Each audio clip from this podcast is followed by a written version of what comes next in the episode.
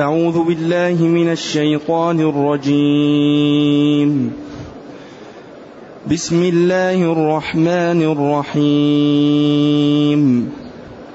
ذلك ليعلم أني لم أخنه بالغيب وأن الله لا يهدي كيد الخائنين.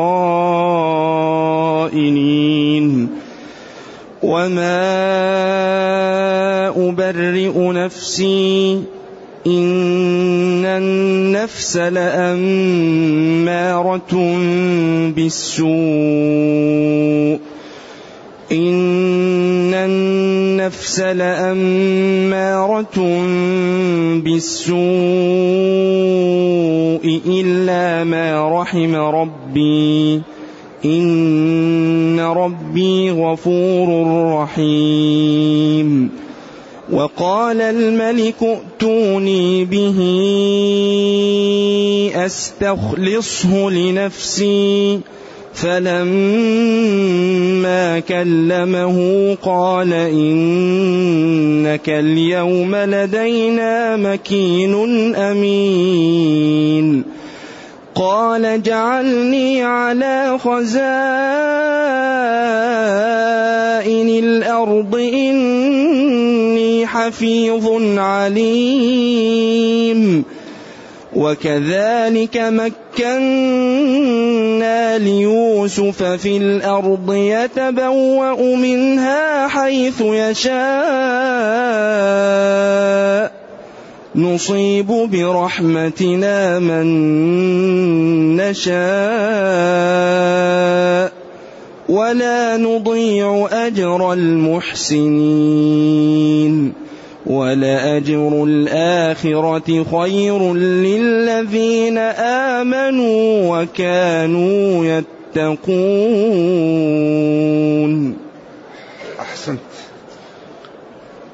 الحمد لله الذي أنزل إلينا أشمل كتاب وأرسل إلينا أفضل الرسل وجعلنا خير أمة أخرجت للناس. فله الحمد وله الشكر على هذه النعم العظيمة والآلاء الجسيمة. والصلاة والسلام على خير خلق الله وعلى آله وأصحابه ومن اهتدى بهداه. ما بعد فإن الله تعالى يذكر في هذه الآيات ما حصل بين يوسف وبين من كان معه ممن أرادوا به كيدا فنجاه الله وأعزه ومكن له وكيف عاقبة التقوى والطاعة؟ ذلك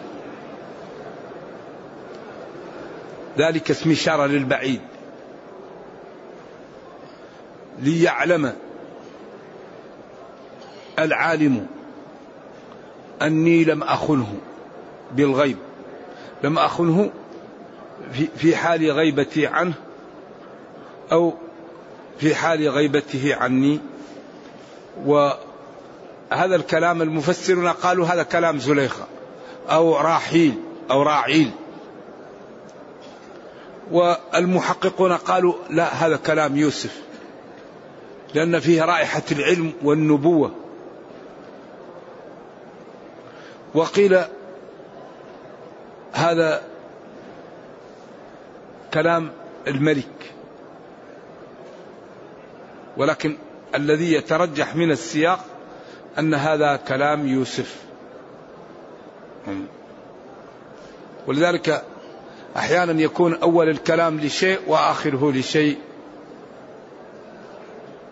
كما قال وكذلك يفعلون. هذا كلام الله والقبل كلام. بالقيس فأحيانا يكون الكلام والسياق يبين. ذلك ليعلم ربي الذي كنت عنده وأكرمني أني لم أخنه في أهله في حال غيبه. وأن الله لا يهدي كيد الخائنين. وأن الله لا يهدي ولا يوفق يعني عمل وتدبير الخائنين لأن مآله للفشل والضياع. ذلك لا ينجي إلا الحق. الله لا يهدي كيد الخائنين وهذا الكلام في رائحة النبوة في رائحة العلم. من أين لها هذا؟ ومن أين للملك هذا الكلام؟ قيل إنه قال وما أبرئ نفسي لأقوال كلها إسرائيلية.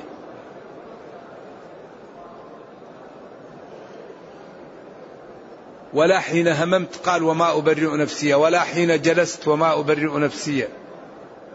يعني وقيل إنه لما قال ذلك ليعلم أني لم أخنه بالغيب وأن الله لا يهدي كيد الخائنين وأنا لست من الخائنين في السياق مع ذلك تواضع وقال وما أبرئ نفسي. لا أبرئ نفسي ولا لأن طبيعة النفس أمارة بالسوء. وهنا نقف مع المعوقات عن الجنة باختصار. وكبريات المعوقات عن الجنة أربعة أمور. وتأملوا في حياتكم وفي سيركم في هذه الدنيا فستجدون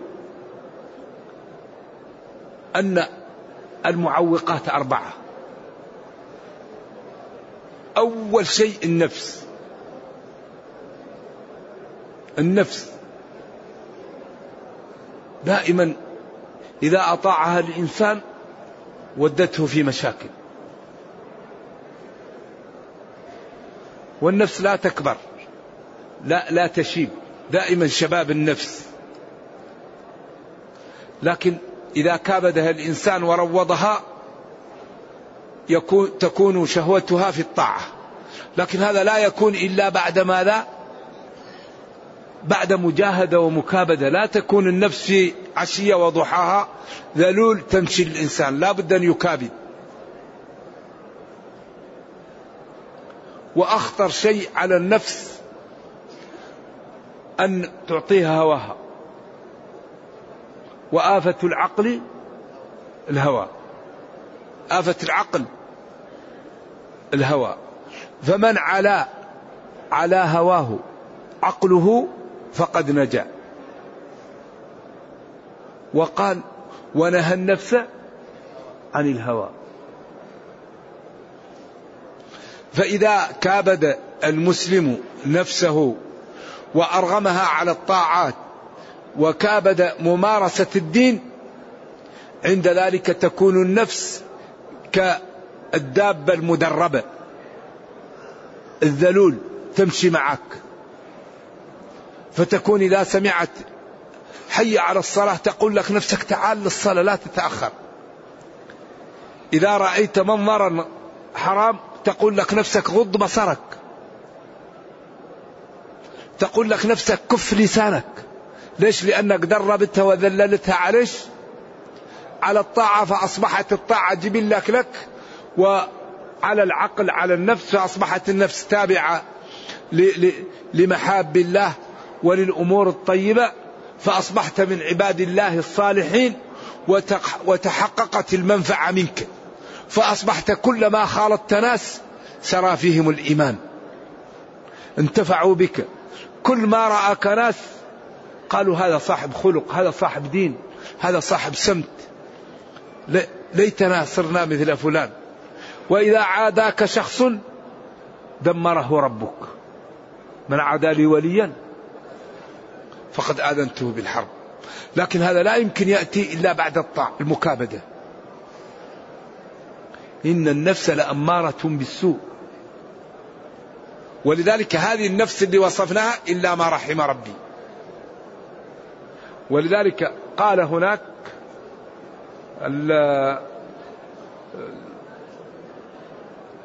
وأما من خاف مقام ربه ونهى النفس عن الهوى. ونهى النفس عن الهوى هو إلا ما رحم ربي. الذي نهى نفسه عن الهوى وطاع ربه هو الذي رحمه الله وأنجاه من هذا. والذي يكابد هذا الجانب أهل الأرض لا يمكن أن يقاوموا. لأن الله ينصره. ينزل عليه النصر. يدفع عنه الأذى. يعطيه كل ما يريد. لأن الله لا يخلف الميعاد ووعد العبد الذي يطيعه ويمشي في طاعته أنه يحفظه ويحميه وينصره ويعطيه أجره كاملا.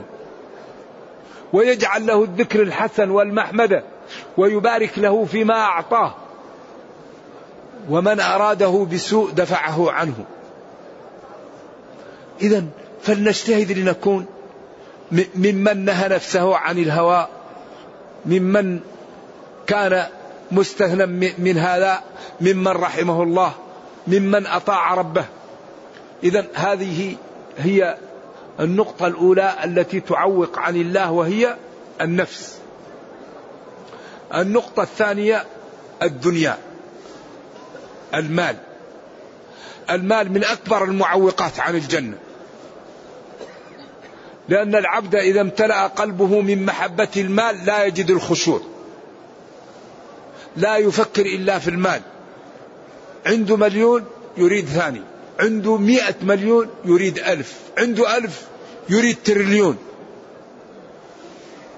لذلك منهومان لا يشبعان طالب علم وطالب دنيا. إذا الدنيا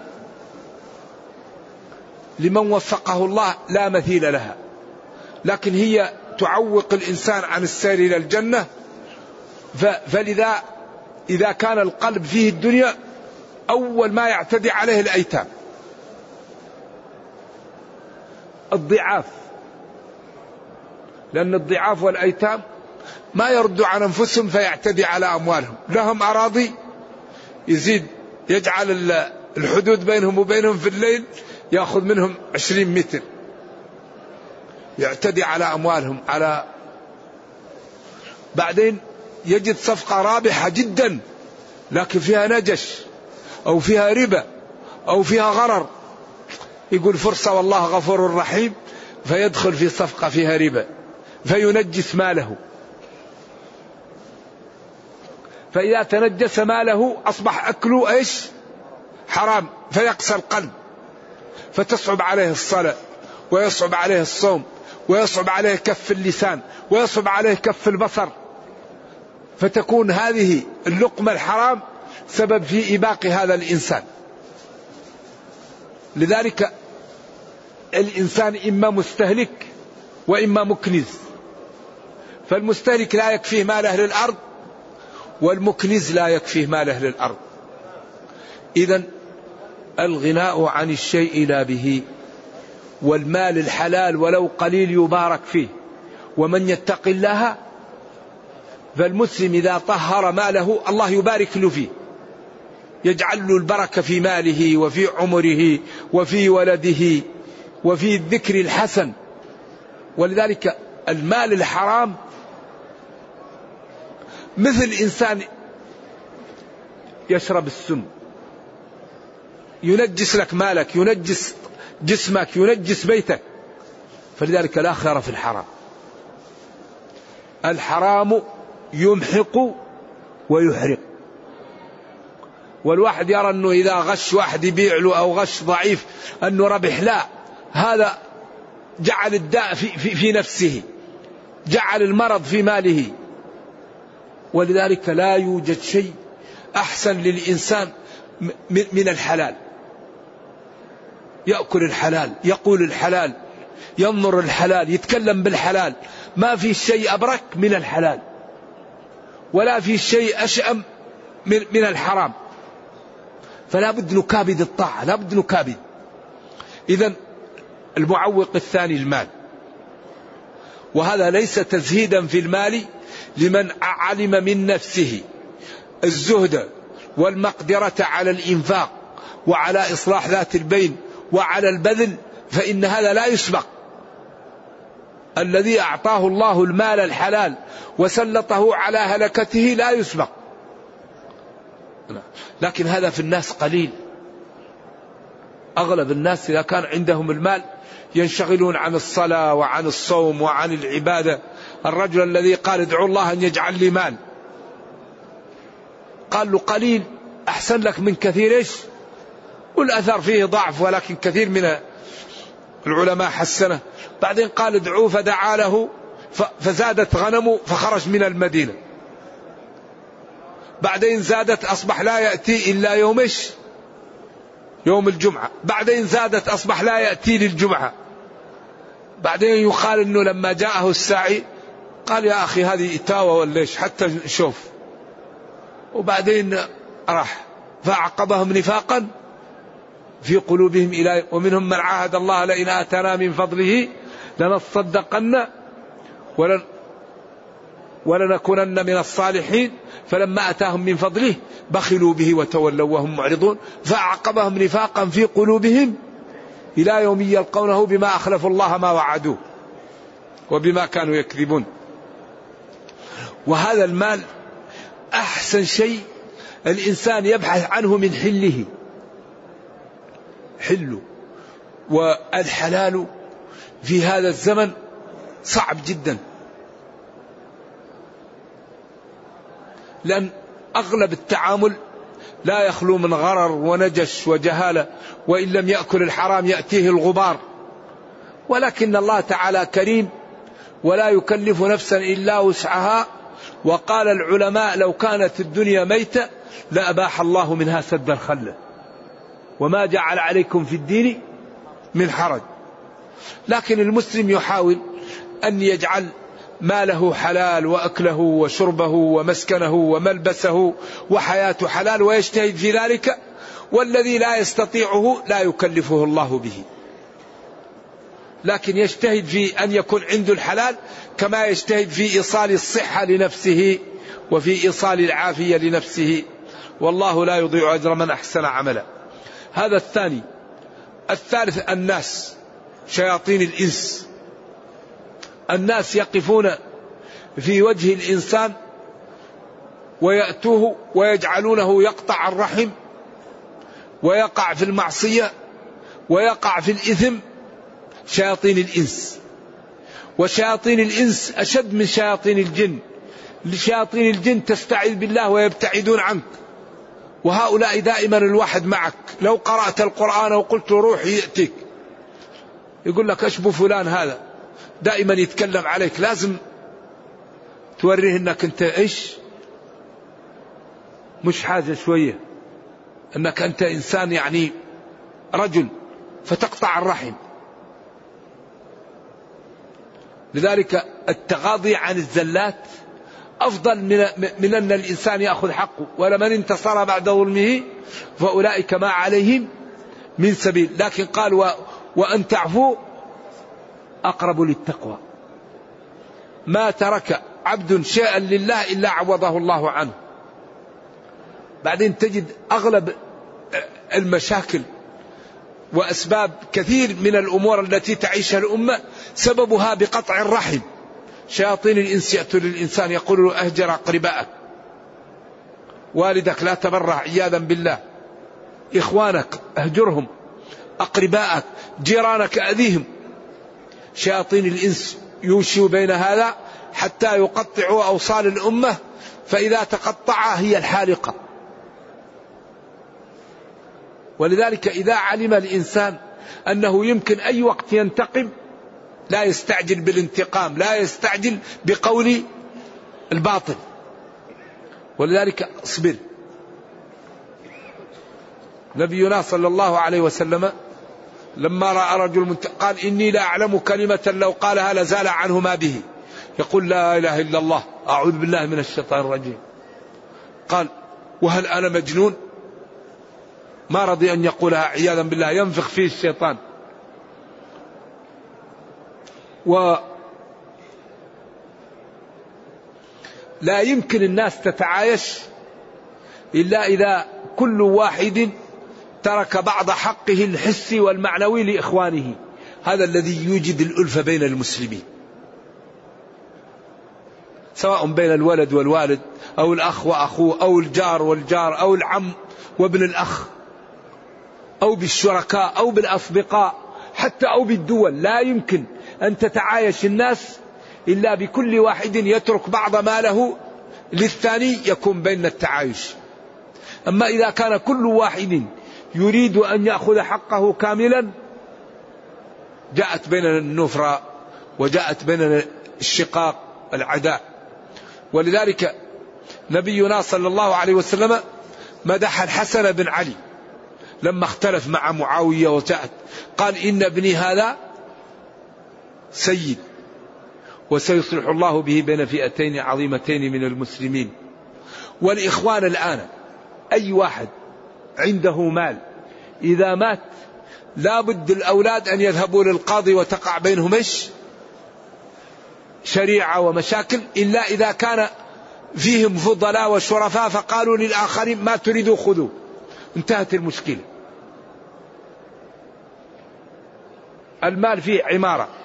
وهي عمارة واحدة. هذا يقول أنا أريد العمارة الثاني يقول العمارة الثالث يقول العمارة. فيتخانقوا لكن إذا كان واحد يقول له لا خذ ما تريد زالت المشكلة. إذا نصلح ما بيننا بالتفاهم والتحاور والتنازل. ما هو التنازل عن الدين؟ التنازل عن حق حسي أو معنوي. فإذا أي ناس بينهم شيء كل واحد تنازل جاءت الألفة. إذا كان كل واحد يريد أن يأخذ حقه كاملا جاءت النفرة والشقاق. إذا النقطة الثالثة التي تسبب المشاكل هي الناس. النقطة الرابعة الشيطان. والشيطان هذا أخطر شيء يواجهه الإنسان. أخطر عدو للإنسان الشيطان. لأنه يرى أننا سبب في خروجه من الجنة. وقال ربنا إن الشيطان لكم عدو فاتخذوه عدوا. وقال قل لعبادي يقول التي هي أحسن إن الشيطان ينزغ بينهم. وقال فبعزتك لأغوينهم أجمعين. وقال فلآتينهم من بين أيديهم ومن خلفهم وعن أيمانهم وعن شمائلهم ولا تجد أكرهم شاكرين. حتى قال الله جل وعلا ولقد صدق عليهم إبليس ظنه فاتبعه إلا فريقا الآية. وأول ما يعمل الشيطان يحاول أن يكفرك فإن لم يستطع يحاول أن يعوقك عن العمل وعن العبادة وعن فعل الخير. فإن لم يستطع يحاول أن يدخل لك الرياء. فإن لم يستطع يحاول أن يشغلك بالمفضول عن الفاضل. أربع منازل يتخذها معك. أول شيء يحاول أن يكفر الإنسان ويأتيه بالوساوس ويأتيه بأمور ويدخل له الشبه. فإن لم يستطع يقول له لما أنت تحج السنة هذه؟ سنة عندك أشغال خليك حتى تنهي المشروع تحج السنة اللي بعد هذا. لما تحاول أن تحفظ القرآن الآن أنت شاب أصبر حتى تترك تنتهي من الدراسة تبدأ تحفظ القرآن. لما تزور أقربائك الآن أترك إلى الشهر القادم. يحاول يسوف بك. فإن لم تقبل يدخل لك الرياء. ما شاء الله. كلامك طيب. الناس تستفيد منك. ما شاء الله الجيران يذكرك بالكرم يذكرك بالشجاعة يذكرك بالعبادة يذكرك بالصلاح. فتنفخ أنت وبالأخص إذا كان الإنسان غير متعلم فيحبط عمله. لأن الرياء هذا مشكل. فإن لم تقبل يشغلك بالمفضول عن الفاضل. تريد أن تلقي محاضرة يقول لك ما لك ومال الناس اجلس في بيتك. تريد أن تذهب تصلح بين الناس يقول لك ما لك ومال الناس اجلس في بيتك. تريد أن تذهب لبعض إخوانك وجيرانك تزورهم يقول لك يا أخي تتعبهم أجلس في بيتك ما لك ومال الناس أتركك من الناس. يحاول أن يشغلك بالمفضول عن الفاضل.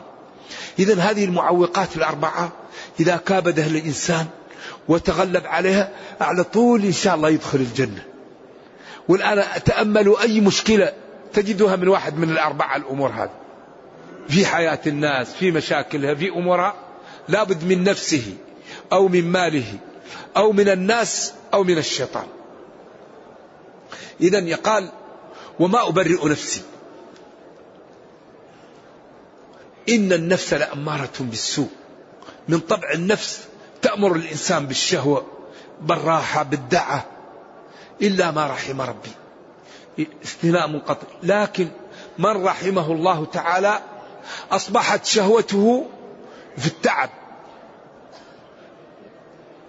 يقول تراه كأنك تعطيه الذي أنت سائله. بعض الناس لكرمه إذا سألته فكأنك تريد أن تعطيه. لما ترى فيه من الفرح والبشاشة؟ لأنه جاءه شخص يريد أن يقضي له حاجته. فالذي رحمه الله لا يجد تعب في العبادة ولا يجد تعب في الخير ولا يجد تعب في التغاضي عن إخوانه. نبينا صلى الله عليه وسلم ما كان عنده مشكل. ما انتقم من أحد لنفسه ولا جاءه أحد يريد شيئا إلا أعطاه إياه. ولا ذكر أحد بخير أو جاءه خير إلا تهلل وجهه وفرح لأن المسلم جاءه خير. ولا وصل لمسلم شر إلا حزن من ذلك وتألم. ذلك كان صلوات الله وسلامه عليه أفضل الناس أشرف الناس أعلم الناس أحلم الناس أعقل الناس أشجع الناس. يقول ابن جزي في تفسيره تسهيل عند قوله تعالى وإنك لعلى خلق عظيم ذكر 27 صفة للنبي صلى الله عليه وسلم. سبق فيها الناس. أحلم الناس أجمل الناس أشجع الناس أورع الناس أكرم الناس أكثر الناس تدبير أكثر الناس حلم أكثر الناس رخاء أفضل الناس أعلى الناس نسب. كل الفضائل فيه صلوات الله وسلامه عليه. ومع ذلك يبيت قائما ويسمع له أزيز كأزيز المرجل حتى تتفطر قدماه فإذا كل ما يقول أفلا أكون عبدا شكورا؟ قال له يغفر لك الله ما تقدم من ذنبك وما تأخر. يقول أفلا أكون عبدا شكورا. لذلك ربنا يقول لقد كان لكم في رسول الله أسوة حسنة. لنا فيه أسوة في أن نعمل الخير نتغاضى عن الناس نكرم الناس نرتفع عن القال والقيل وعن السفاس في الأمور. الواحد يعلو. كيف يرتقي بنفسه؟ كيف يرتقي بأقربائه؟ كيف يرتقي بجيرانه؟ كيف يكون قدوة في الخير؟ كيف ينتشل الناس من الضياع ومن السفاسف؟ إن ربي غفور رحيم. إن الله جل وعلا غفور لعباده رحيم بهم. ومن جملة ما غفر ورحمهم تعليمه لنا هذه الأمور وتبيينه لنا جل وعلا طرق الخير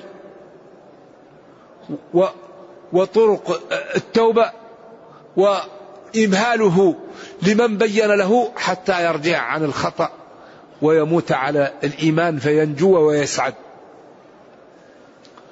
وقال الملك ائتوني به. أستخلصه لنفسي.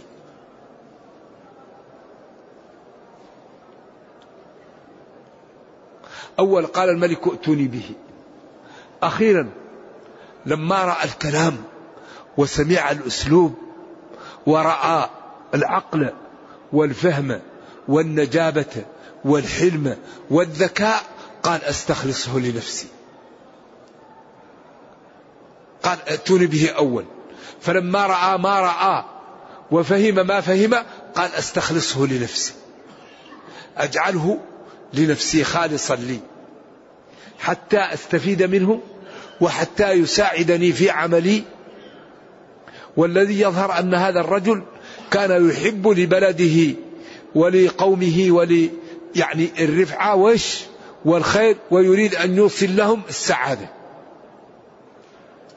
فلما كلمه وخاطبه زاد الأمر وقال له إنك اليوم لدينا مكين أمين. إنك اليوم لدينا عندنا مكين قوي أمين مؤمن على كل شيء. تعطيه من شئت تقطع من شئت تفعل ما شئت. خلاص الصلاحيات كاملة لك. كل الصلاحيات مخولة لك تتصرف. فهنا يوسف صلوات الله وسلامه عليه وعلى نبينا اغتنم الفرصة. قال اجعلني على خزائن الأرض.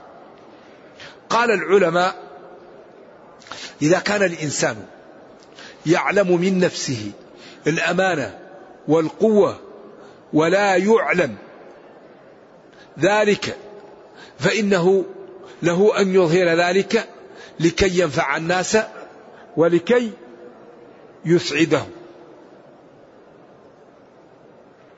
وقيل هذا شرع من قبلنا. لأن النبي صلى الله عليه وسلم قال يا عبد الرحمن لا تسأل الإمارة فإنك إن سألتها وكلت إليها وإن أعطيتها من غير مسألة أعنت عليها. والأشعريون لما جاءوا وطلبوا العمل كان يستاك تقلصت شفته تحت السواك وقال لا نعطي هذا الأمر من سأله. قال له يا عبد الله بن قيس اللي هو أبو موسى الأشعري قال والله لا علم لي بهذا ولا ولم يذكروا عندي يعني يتعذر لنفسه. فلذلك آه هذا يعني آه الأمور هذه التي هي قيادات لا يسألها الإنسان ولا يطلبها. فإن جاءته يسأل الله الاعانه لأنه مشكلة. هذه الآن الأمور تختلف. ولذلك إذا كان الان مسؤول الفقهاء يقولون الغنم بالغرم. يسأل عن هذا وهذا وبعدين قد لا يستطيع أن يقوم به. ولذلك من سألها مظن لأنه يريد شيء لمصلحته. ومن خاف منها مظن أنه إذا إذا مسكها لا يريد شيء يخاف فيعدل في الناس. وهذه أمور منح يعطيها الله لبعض الناس لأن بعض الناس الله يوفقه. كما قال إلا ما رحم ربي. إلا ما قالوا إن ما هنا بمعنى من؟ كما قال انكحوا ما طاب لكم أي من طاب لكم. وقيل المقصود هنا البضع الطيبة ولذلك تكون ما على بابها وإلا ما رحم ربي ما بمعنى من؟ وقيل غير ذلك.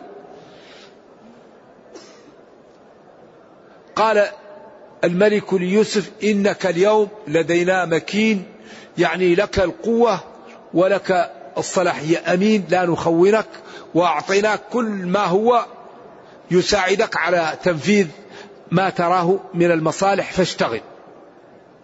قال يوسف له اجعلني على خزائن الأرض إني حفيظ عليم. إني حفيظ عليم. ما قال إني تقي. ولا قال إني نبي ولا قال إني صالح. قال إني حفيظ. لما يعطى لي عليم بصير بأمور الناس وبسيني يعني الجذب وبمن فيه الحاجة ومن هو صادق وغير صادق وإني أعرف الناس وأحفظ من أعطي ومن لم يعطى. وأعرف من يلعب ومن لا يلعب فأنا حفيظ عليم لهذه الأمور. بصير بتدبير هذا الأمر الذي أنت رأيته وهالك ونريد أن نتلافى حتى لا يهلك أهل البلد. حفيظ لما يستودع لي وحاسب له ولا يفوت عني عليم بصير بأمور الناس وبأحوالهم. وكذلك مكنا ليوسف في الأرض. ومثل هذا التمكين الذي مكنا وأعطينا له كما أنجيناه وفعلنا به ما فعلنا مكنا ليوسف في الأرض. قويناه وجعلناه الآمر الناهي الذي له العزة وله المكانة. مكنا له في الأرض يتبوأ منها حيث يشاء. يذهب هنا هنا يسافر يفعل يأمر ينهى. نصيب برحمتنا من نشاء. نصيب برحمتنا من نشاء بفضلنا ونعمتنا. ومن جملتها ما أعطيناه من الكرامة ومن النجاة ومن كل خير. بعدين قال ولا نضيع أجر المحسنين. أي محسن لن نضيع أجره سنعطيه كاملا. وهذا تأكيد على نصيب برحمتنا من نشاء. نرحم من نشاء ومن أحسن فلا بد أن نرحمه ولا نضيع أجره وأجره أن نرحمه فنعطيه أجره كاملا موفى لا ننقصه منه شيئا. إذا هلم إلى أن نكون من المحسنين. هلم إلى أن نكون من الصادقين. هلم إلى أن نكون من التائبين. هلم إلى أن نكون من العاملين. نصيب برحمتنا من نشاء. ولا نضيع أجر المحسنين. ولذلك أصبنا يوسف برحمتنا وأحسنا عليه لأنه من المحسنين. وبعدين قال ولا أجر الآخرة خير. الله أكبر. ولا أجر الآخرة خير للذين آمنوا وكانوا يتقون. وهذا الذي تعطوه في الدنيا لا يعتبر شيء بالنسبة ما في الآخرة. ولا أجر الآخرة ونصيب الآخرة خير وأفضل وأكبر للذين آمنوا في الدنيا وكانوا يتقون الله تعالى ويتركون المعاصي ويتركون ما نهوا عنه. ولذلك قال وإن الدار الآخرة لهي الحيوان لو كانوا يعلمون. هي الحياة الأبدية هي هي التي فيها المتع. لذلك ينبغي أن نصبر حتى نرجع لوطننا. وطننا ما هو؟ الجنة. فالواحد يصبر حتى يعدي. أيام قليلة. قل متاع الدنيا قليل. والآخرة خير لمن اتقى ولا تظلمون فتيلا. نعدي. يصبر الواحد شوي وبعدين يرجع لوطنه. بيت. فيه ما تشتهيه الأنفس. فيه حور العين. ترى مخ مخها من ساقها. أصحاب الجنة اليوم في شغل فاكهون. هم وأزواجهم في ظلال. على رائك متكئون. ظل ممدود وماء مسكوب وفاكهة كثيرة. لا مقطوعة ولا ممنوعة. وفرش مرفوعة. إنا أنشأناهن إنشاء. لا إله إلا الله. هذا الذي ينبغي أن نصبر حتى نأتيه نصبر. نترك الحرام. نترك الغيبة. الغيبة تأخذ الحسنات ولا فيها فائدة. نترك أكل الحرام لأنه يقسي القلب. نكثر من ذكر الله ومن الاستغفار ومن أعمال الخير ومن التوبة. والله كريم ولا يضيع أجر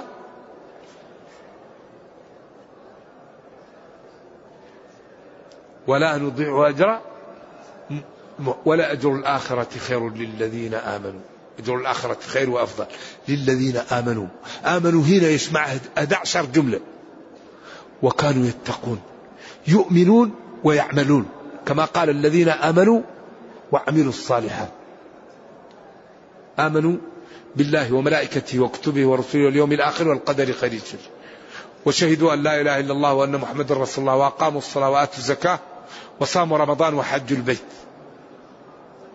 وكانوا يتقون أي يتجنبون الحرام ويتجنبون مواقع الشبه. هذا الأجر لهم في الآخرة أكثر مما يروا في, في, في الدنيا وكأن ما يرون في الدنيا عربان أو عربان لما ادخر لهم يوم القيامة. نرجو الله جل وعلا أن يرينا الحق حقا ويرزقنا اتباعه وأن يرينا الباطل باطلا ويرزقنا اجتنابه وأن لا يجعل الأمر ملتبسا علينا فنضل. اللهم أصلح لنا ديننا الذي هو عصمة أمرنا وأصلح لنا دنيانا التي فيها معاشنا وأصلح لنا آخرتنا التي إليها معادنا. واجعل الحياة زيادة لنا في كل خير والموت راحة لنا من كل شر. سبحان ربك رب العزة عما يصفون وسلام على المرسلين والحمد لله رب العالمين. وصلى الله وسلم وبارك على نبينا محمد وعلى آله وصحبه والسلام عليكم ورحمة الله وبركاته. يقول الرجل له من صلاته ما عقل. ما معنى ذلك؟ معنى ذلك أن الإنسان يأخذ من الأجر في صلاته على ما عقل منها. إنما الأعمال بالنيات. فإذا دخل العبد في الصلاة وعلم أنه واقف يناجي ربه وأنه يمكن أن تكون هذه الصلاة آخر صلاة له. خشع في صلاته. وتدبر ما يقرأ. ولم يشتغل في غيرها أخذ الأجر. وإذا زال وتفكر في أمور خارجة عن الصلاة ينقص من الأجر ولكن تصح الصلاة لأن الله لا يكلف نفسا إلا وسعها. فقال العلماء يكثر العبد من النافلة. ويحسن الوضوء وينفث عن يساره ثلاث مرات ويقول أعوذ بالله من خنزب شيطان الصلاة. فإنها فإنه يبعد عنه بإذن الله. إذا فرح الإنسان بكلام الناس عليه بخير ومحبتهم له هل هذا من الرياء؟ لا. هذا مما ادخر للإنسان. لكن لا يكون إذا رأى الإنسان يطيل السجود ويطيل الركوع وإذا رأى فقيرا بمفرده أعطاه ريالا فإذا كان أمام الناس أعطاه عشرة أو مئة. لا يفعل الأشياء للناس. أما الذكر الحسن هذا طيب وجبت. ولذلك من أتى شيئا من هذه القاذورات فليستتر بستر الله. أنتم شهداء الله في أرضه. من أثنوا عليه الناس وجبت له الجنة ومن أثنوا عليه شرا وجبت له النار. فالإنسان إذا عمل الخير لازم يثنى عليه خيرا. وإذا عمل شر لازم يثنى عليه شرا. لكن الإنسان لا يعمل لأجل الناس يعمل لله. فإذا أثنوا عليه لا يهمه ذلك يفرح بأنه عمل الخير لا يفرح بثناء هؤلاء. نعم. يقول رجل شرود في الصلاة وأحيانا يقرأ الفاتحة وحينما يبدأ في قراءة السورة يتبين له أنه كان شارد العقل أو الذهن في قراءة. هل له أن يعيد قراءتها مرة أخرى وما علاج ذلك؟ لا يعيد القراءة مرة أخرى. علاج ذلك أن يحاول أن يقرأ يصلي من النوافل ما تيسر. ويتبين يحاول أن يكابد هذا الأمر. وإذا لم يستطع لا يكلف الله نفسا. يكثر الذكر والاستغفار والتوبة. ويحاول أن يعمل أعمال الخير ويصلي من النافلة ما استطاع. ويستعيذ بالله من الشيطان. نرجو الله التوفيق. إذا أقيمت الصلاة وهو يصلي النافلة وأراد قطعها فهل يسلم وهل يشترط في التسليم الالتفات إذا أقيمت الصلاة فلا صلاة إلا المكتوبة. ومفتاح وتحليلها التسليم. كأنه إذا أراد أن يترك الصلاة كأنه يسلم. تأدب مع الصلاة التي كان فيها. واحتراما لها. لكن لا أعرف في هذا نصا. لا أعرف فيه نص. لكن كأن أصل الصلاة يخرج منها الإنسان بالسلام. وكأنه هنا لما جاءت الصلاة الفريضة كأنه عذر في هذه الصلاة. فكأنها انتهت يسلم. تأدبا مع الصلاة من يخرج منها من غير سلام. لأن تحليلها إيش؟ التسليم. لكن لا أعرف نص في هذا. قال بعض العلماء إذا كان يستطيع أن يكمل النافلة قبل أن يكبر فليفعل. قبل, قبل ويدرك تكبيرة الإحرام. فإذا كان لا يستطيع يقطع النافلة. نعم.